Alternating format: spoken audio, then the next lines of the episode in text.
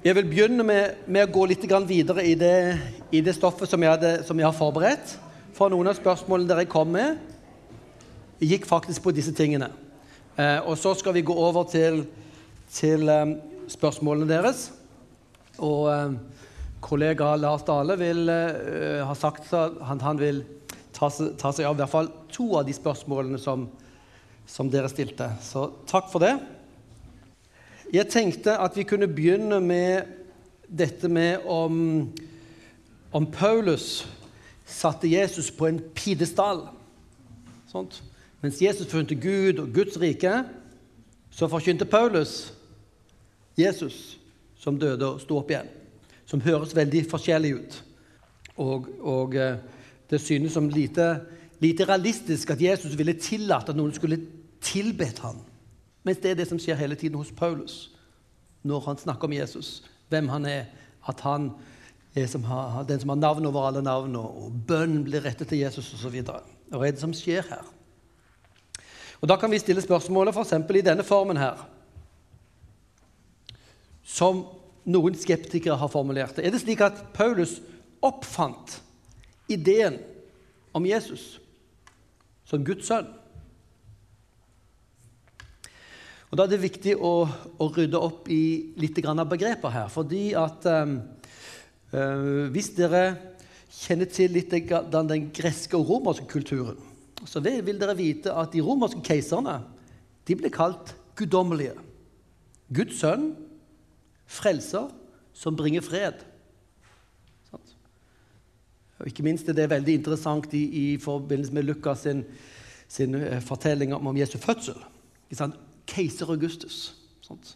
Som på Jesu tid, eh, etter, at Augustus var død, ble, ble regnet som guddommelig. De blir guddommeliggjort etter sin død. Og eh, litt seinere så ble de også anerkjent som guddommelige mens de også levde. Um, og Noen steder var det ekstra populært, andre steder var det ikke så populært. I den gresk-romerske tenkningen så er det ikke noe absolutt skille mellom guder og mennesker. Du kan bli opphøyet til å bli guddommelig. Og det var den æren som, som keiserne fikk. Eh, og uh, gudene kunne da bli mennesker også. Det høres ut som inkarnasjon. Sant? Det viser seg dukke opp som som mennesker. Blant annet er det jo fortellingen om, om Sevs som kom til uh, guden Sevs som den store guden. Liksom Odin-aktige guden på, um, for grekerne. Som kom til øya K. Hvilken øy kom han til? Kreta, selvfølgelig. Kreterne der alle er late dyr, onde dyr, late vommer og løgnere, som en av dem selv har sagt. Interessant hvis en løgner har sagt at alle kreter er løgnere, så har du et filosofisk veldig gøy poeng. Paulus mente vi skulle le av det. Ja. At, at uh, han kom til Kreta, Sevs, en historie om det. Og uh, da kom han som et menneske, og han ble ikke gjenkjent som guddommelig. Og så ble han dessverre drept. Har du hørt den fortellingen om noen som fikk en menneskeskikkelse? Og ikke ble anerkjent og gjenkjent som guddommelig, og så ble drept av menneskene. Hmm. En kjent historie som Paulus bruker.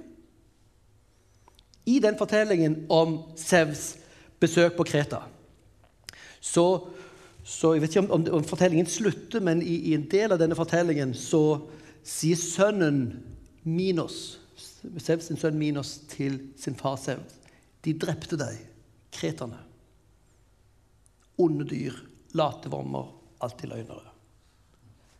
Men du er ikke død, for i deg er det vi lever, beveger oss uatskill. Du kan ikke drepe guddommen på ordentlig. Hvis dere har hørt det verset 'I deg er det vi lever', eller 'i ham er det vi lever, beveger' Ja Og er til. Så siterer Paulus der myten om Sevs eh, som kom til Kreta og ble drept. Og lage broen til fortellingen om Jesus, som kom til sitt folk, ble drept, men som selvfølgelig lever hvis han er guddommelig, og ble reist opp fra de døde.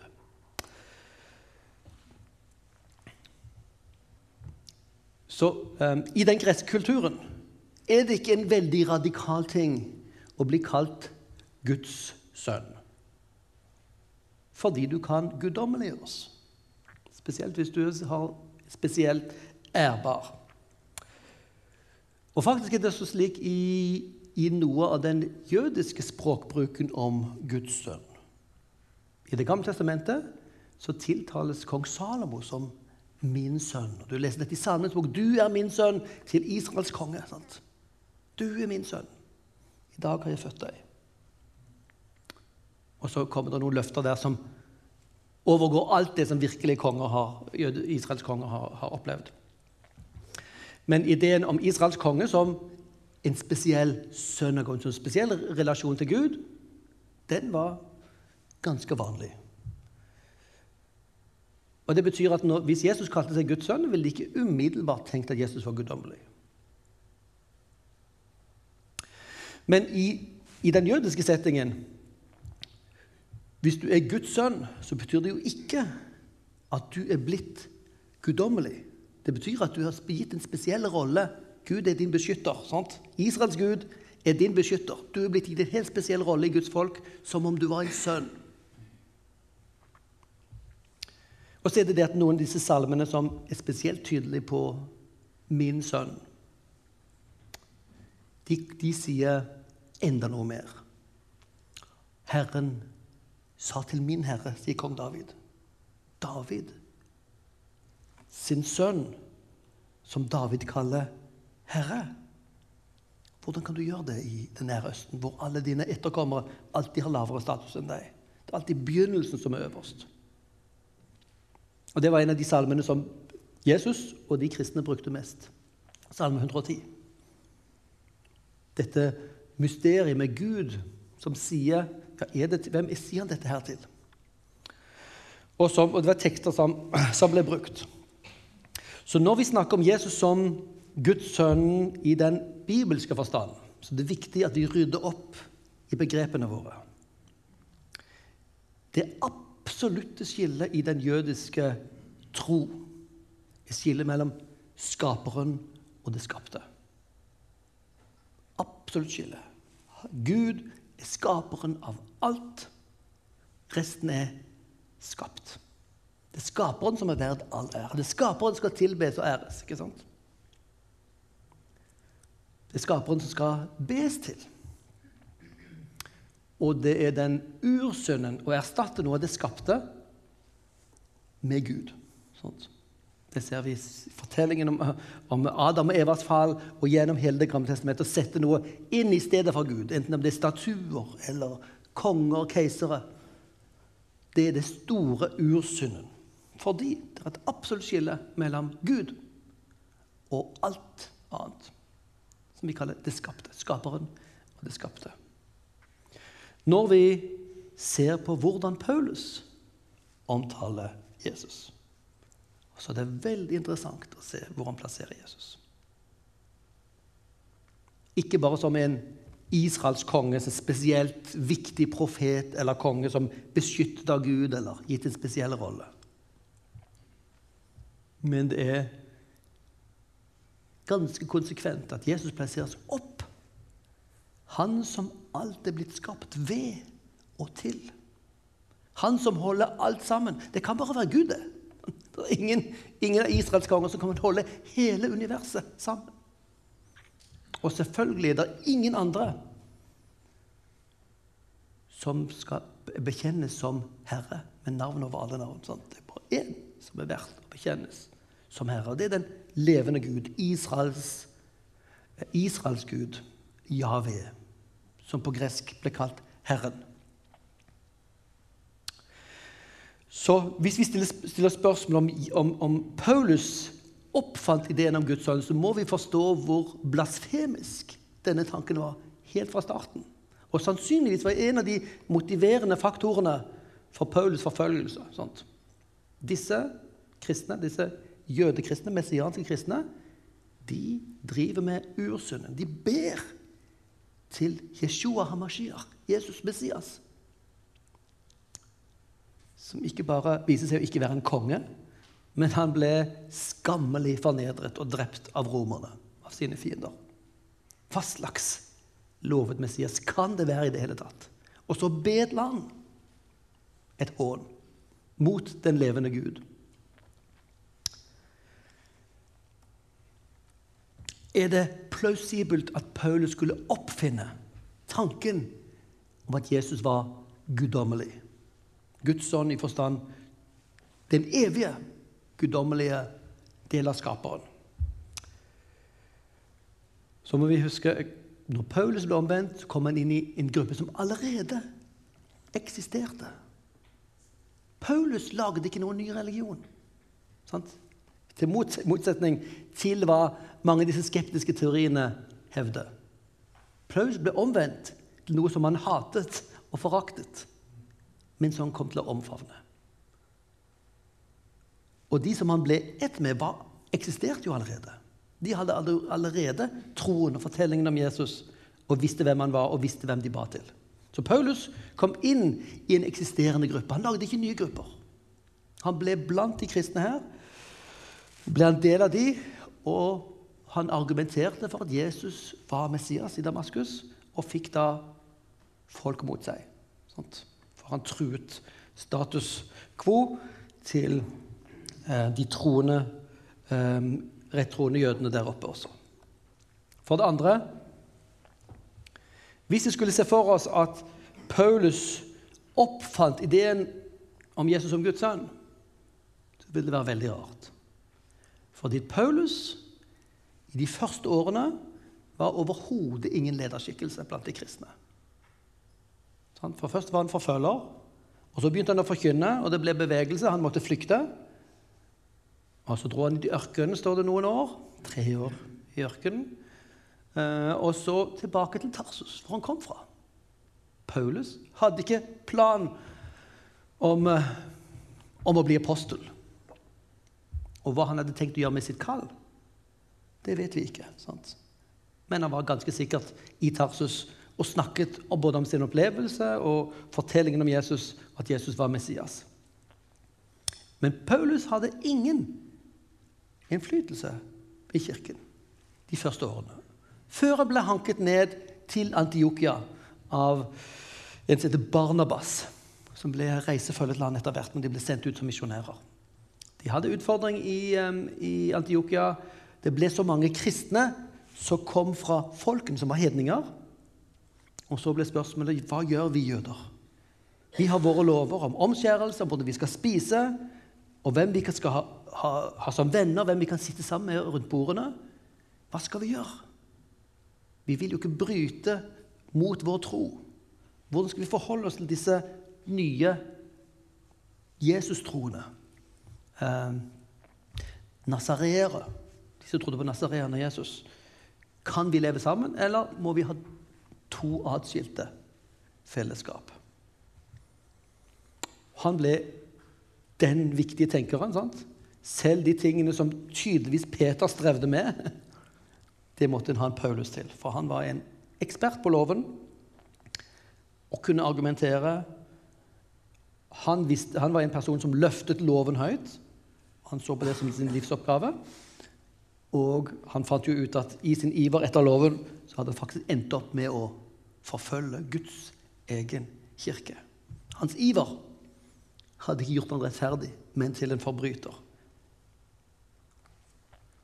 Og Så må vi tenke på de, de psykologiske elementene her. En ydmyk, omvendt Paulus.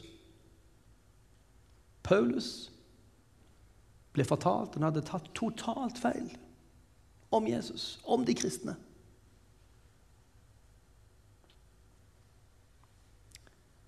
Når han da ble kristen, hvorfor skulle han finne opp en helt ny og helt annen tro enn de første kristne hadde? Når han først hadde blitt ydmyket og tatt så feil. Men alt peker på at han bøyde seg for det som de kristne allerede trodde. Når de tilba Jesus Kristus, Jesus som Messias, og også kunne tiltale han som Guds sønn og herre. Og ville en takknemlig Paulus ønske å endre den religionen han hadde oppdaget. Der hvor han hadde blitt møtt med nåde. Han forfølgeren. Han at det så feil. Hva slags psykologi vil vi slippe inn her på Paulus hvis vi plutselig ser for at ja, nei, nå ble jeg kristen, nå vil jeg finne opp en helt ny religion? Sånn, det gir ikke mening psykologisk. og Det er også en av grunnene til at, at de fleste forskere på Paulus de tror at Paulus helt genuint trodde det han trodde på. Og at han hadde forbindelse, som vi sa, til, til de andre apostlene. Um, ikke alle er enige om at det var så fordragelig, men det var i hvert fall en forbindelse der. Paulus' omvendelse er viktig, men ikke kilden til, tanke, uh, kilden til Paulus sine tanker om Jesus. Det kan ikke gi mening. At det er Paulus som gjør blasfemien som han hadde sannsynligvis forfulgt de kristne for. Det er det ene du ikke må gjøre. Du må ikke løfte et menneske opp til å bli guddommelig. Og så møter, møter, Paulus han som stoppet ham på veien. 'Jeg er den som du forfølger'. Um, han, var, han var, Jesus viser seg å være Messias, dvs. Si Guds lovede, Guds salvede konge. Han som er den sanne konge over sitt folk, og den sanne konge faktisk over verden. Og Derfor har vi begrepet også Herre. Han er Kristus, den lovede Messias. Og han er også Herre som er navnet på den som har myndighet over alt som er skapt. For han har skapt det. Derfor er han herre over det.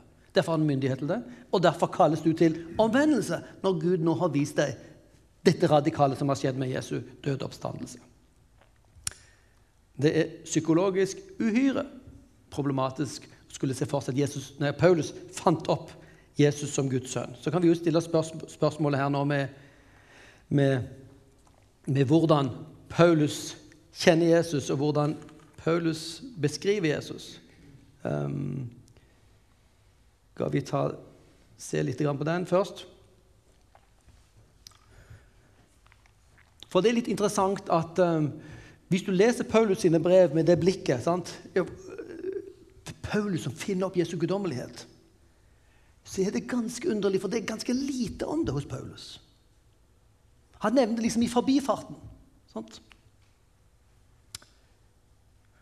Faktisk bruker Jesus veldig sjelden tittelen Guds sønn.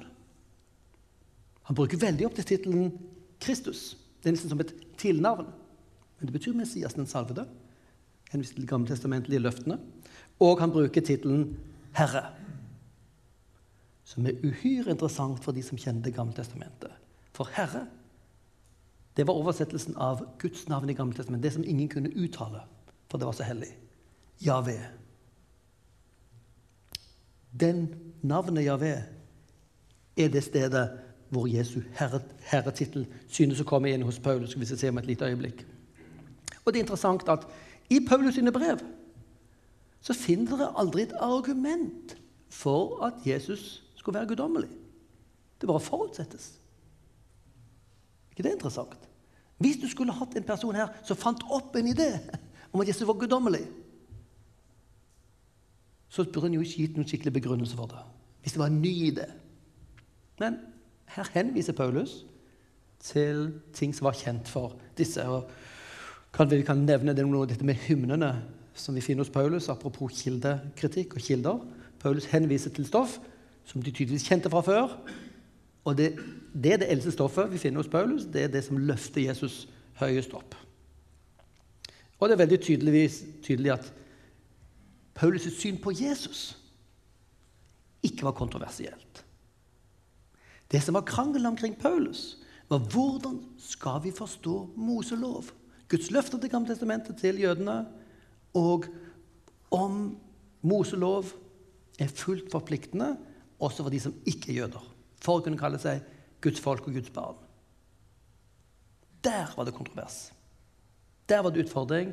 Masse sjelesørgerisk, kulturell, teologiske utfordringer som Paulus ble kastet midt inne i Antiokia, som vi fortalte om, og som senere fulgte han gjennom hele livet.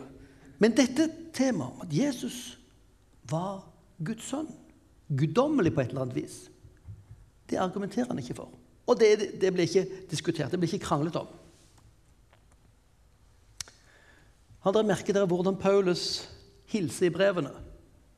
Nåde og fred fra Gud, vår Far, og Herren Jesus Kristus. Det ville vært veldig rart om, om, vi kom her og sa ja, nåde og fred fra Gud og Frank Vårhaug, vår pastor. Um, du ikke litt her? Det er kjekt at, det, at, vi har en pastor som vi vil løfte høyt, men kanskje ikke det er han som kan bringe oss nåde og fred. Bare i den hilsen, som en, som en slags bekjennelse, en liturgisk formel. Sant? Du sørger for å inn, pakke inn den tetteste teologien. Der finner du Jesus. Bare sånn i forbifarten. Forresten. Ikke bare forresten, men Gud, vår Far, og Herren, som er Guds navn. Sant? Jesus. Kristus. Og i um, 1. Korinterbrev kapittel 8 så henviser um, Paulus i spørsmålet om avgudene og avgudsofrene at der finnes jo bare én gud. Så disse avgudene jo, kan jo ikke være virkelige. Og så i forbifarten Dere vet jo, for oss så er det jo bare én Gud. Og én Herre. Det hørtes ut som to guder. Sånt. Jesus plasseres inn ved siden av Gud. Sånt. Én Gud, én Herre.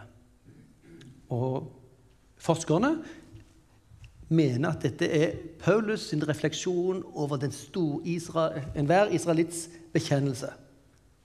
Israel Hvordan begynner den? Du skal elske Gud, ja. Hør, Israel. Herren, Herren, Javé, vår Gud. Javé er én. Herren og Gud. Vi har bare én Gud, og vi har en Herre. Og det er Jesus som plasseres inn i den herrerollen. Uten at Paulus kommer på å forklare eller begrunne eller argumentere for det. Veldig tydelig Jesus er oppe der med den ene Gud og skaper, som viser seg å ha faktisk reelt en sønn som er guddommelig evig. I eh, Romerne 1,4 så, så snakker han, bruker han den sjeldne tittelen for Paulus sjelden, som er Guds sønn. Erklært å være Guds sønn ved Jesu Kristi oppstandelse fra de døde. Oppstandelsen Det er ikke da Jesus blir Guds sønn. Men da erklæres det, da ses det, da blir det synlig for alle. Ja, han er Guds sønn. Han er ikke den som som eh, de jødiske lederne og eh, romerne hevdet, at han var en falsk Messias. Men han var erklært som Guds sønn. Gud tok Jesu parti ved reisen opp fra de døde. Og så Filippa-brevshymnen, Filipperne 2.6-11, um, som også synes å være noe som Paulus siterer. Navnet over alle navn, det er Jesu navn. Og det er guddommelig. Du tøyser ikke med navnet. Sant? Og Dere vet kanskje at, at jødene de snakket om Gud, snakket de bare om navnet. Det er også en, en, en måte å unngå til og med å bruke Gud på. Navnet over alle navn. Og den siste tittelen her Maranata. Maranata eller Maranata, som betyr 'Herren kommer' eller 'Herre kom sannsynligvis det siste, at det er en bønn om å kom, komme snart. Og det er en bønn til Jesus. Sånt. Hvordan kan jødisk troende begynner å be, henvende seg til Jesus? I tillegg så har du disse dåpsformlene hvor man døpes sånn, Faderen, Sønnen og Den hellige ånd fra, fra evangeliene. Paulus også snakker om 'døpt i Kristus' som plasserer Gud, men plasserer Jesus inn i den rollen som Gud har, den eneste som kan gi liv, gjenskape liv og frelse. Så dere ser det materialet som Paulus bruker her, er helt opplagt veldig, veldig sterkt. Og han veldig tydelig ikke fant dette opp, men brukte noe materiale som allerede de kristne regnet som en selvfølge, og anvendte.